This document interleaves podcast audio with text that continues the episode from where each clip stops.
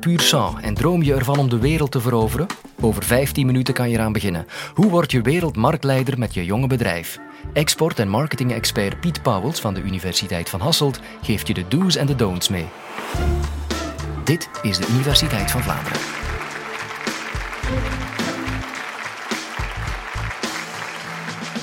Sta mij toe om dat even uit te leggen aan de hand van deze laarzen en deze dichtingsring.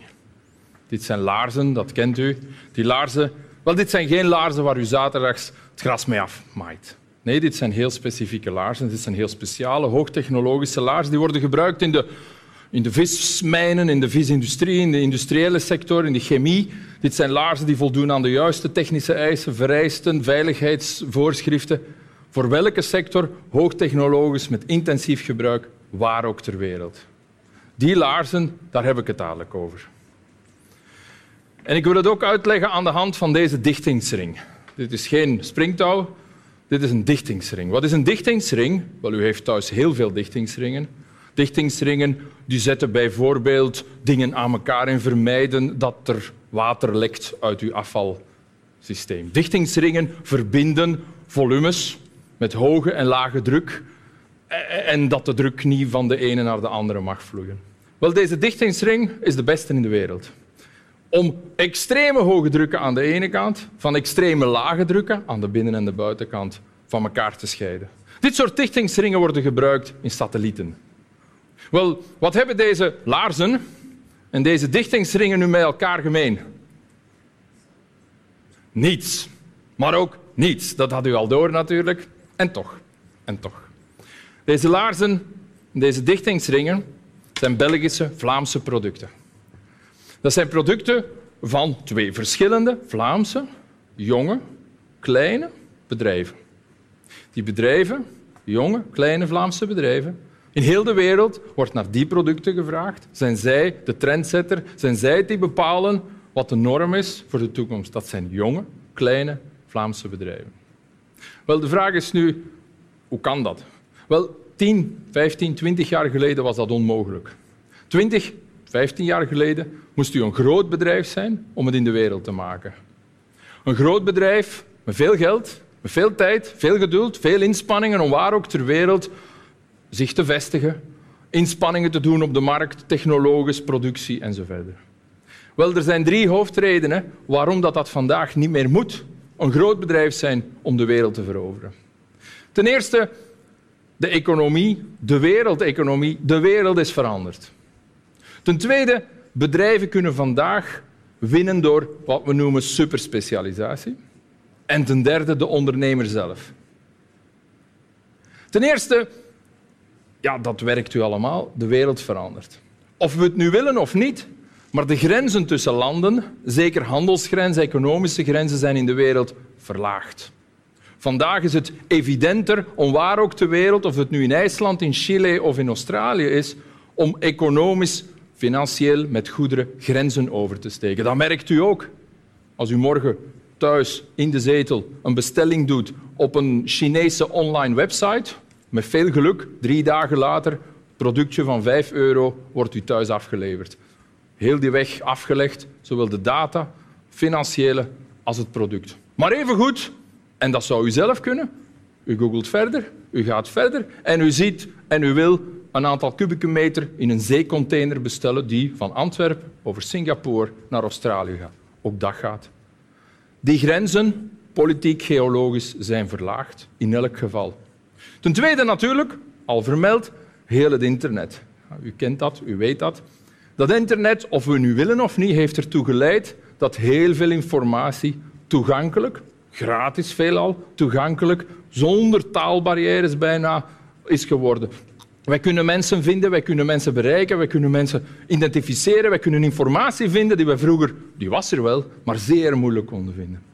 Die wereld heeft grenzen doen laten zakken die handel, interactie met andere landen, andere markten, waar ook ter wereld, mogelijk makkelijker heeft gemaakt. Dat is niet voldoende. Een tweede evolutie is wat we bij de bedrijven zelf zien in hun productiesysteem. Vroeger was het nodig dat u heel veel produceerde. Wel, dat is vandaag nog nodig om een grote te zijn, om de wereldmarktleider te zijn. U moet nog altijd veel, want anders bent u niet de leider. Maar vroeger moest dat veel van hetzelfde zijn. Vroeger was u groot, een grote fietsenmaker als u veel dezelfde fietsen maakte. En dat was de enige manier om te groeien, veel dezelfde fietsen maken. Vandaag moet dat niet meer. Superspecialisatie in productie betekent dat vandaag productiesystemen, technologische oplossingen om dingen te maken, veel meer software zijn geworden en veel minder hardware.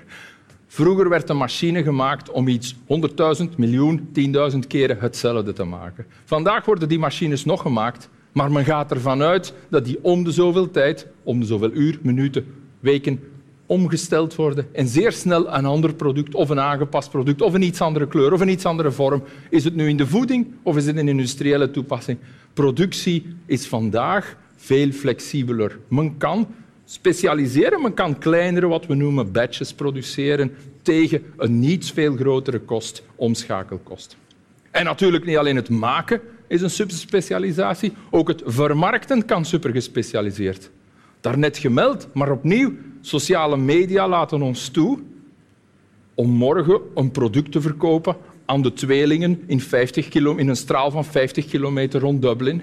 Wij kunnen de, alle tweelingen in 50 kilometer rond Dublin kunnen wij identificeren. En met een beperkte kost, dat kost u geen duizend euro, kan u die mensen bereiken, daarbij adverteren, daaraan verkopen. Die systemen bestaan. Superspecialisatie van kleine batches, kleine volumes van producten op kleine groepen klanten, industrieel of consument, wordt vandaag niet meer afgestraft. Die superspecialisatie is een belangrijke voorwaarde, maar niet de laatste. De laatste voorwaarde is de ondernemer zelf. Die ondernemer is vandaag een globetrotter. Een globetrotter niet alleen fysiek, reëel, reist de wereld af, doet dat niet altijd even graag, maar doet het wel, lost de problemen op waar ze zijn, heeft, heeft heel service getinte initiatieven en, en, en, is daar waar dat die moet zijn.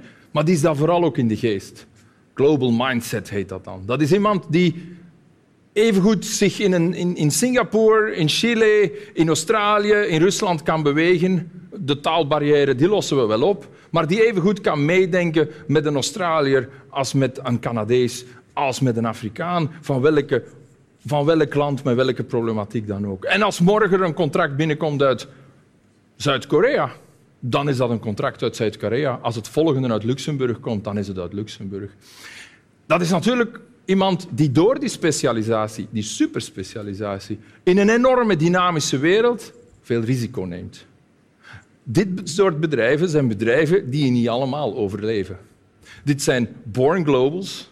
Born globals die van bij de start, van bij de oprichting, de enige ambitie die ze mogen hebben is de wereld veroveren. Want vandaag haalt u het niet met die ringen, die dichtingsringen, alleen in België te sluiten. Het aantal satellieten dat in België gemaakt wordt, is net te klein om daarvan te leven. En zelfs die rubberen laarzen, zelfs die laarzen, die markt is veel te klein om vandaag zelfs in West-Europa daarvan te kunnen leven. Zij moeten van in het begin, born global, de wereld als ambitie hebben. Dat is niet min, dat is een ingesteldheid, dat is een zware ambitie, dat is ook een zwaar risico.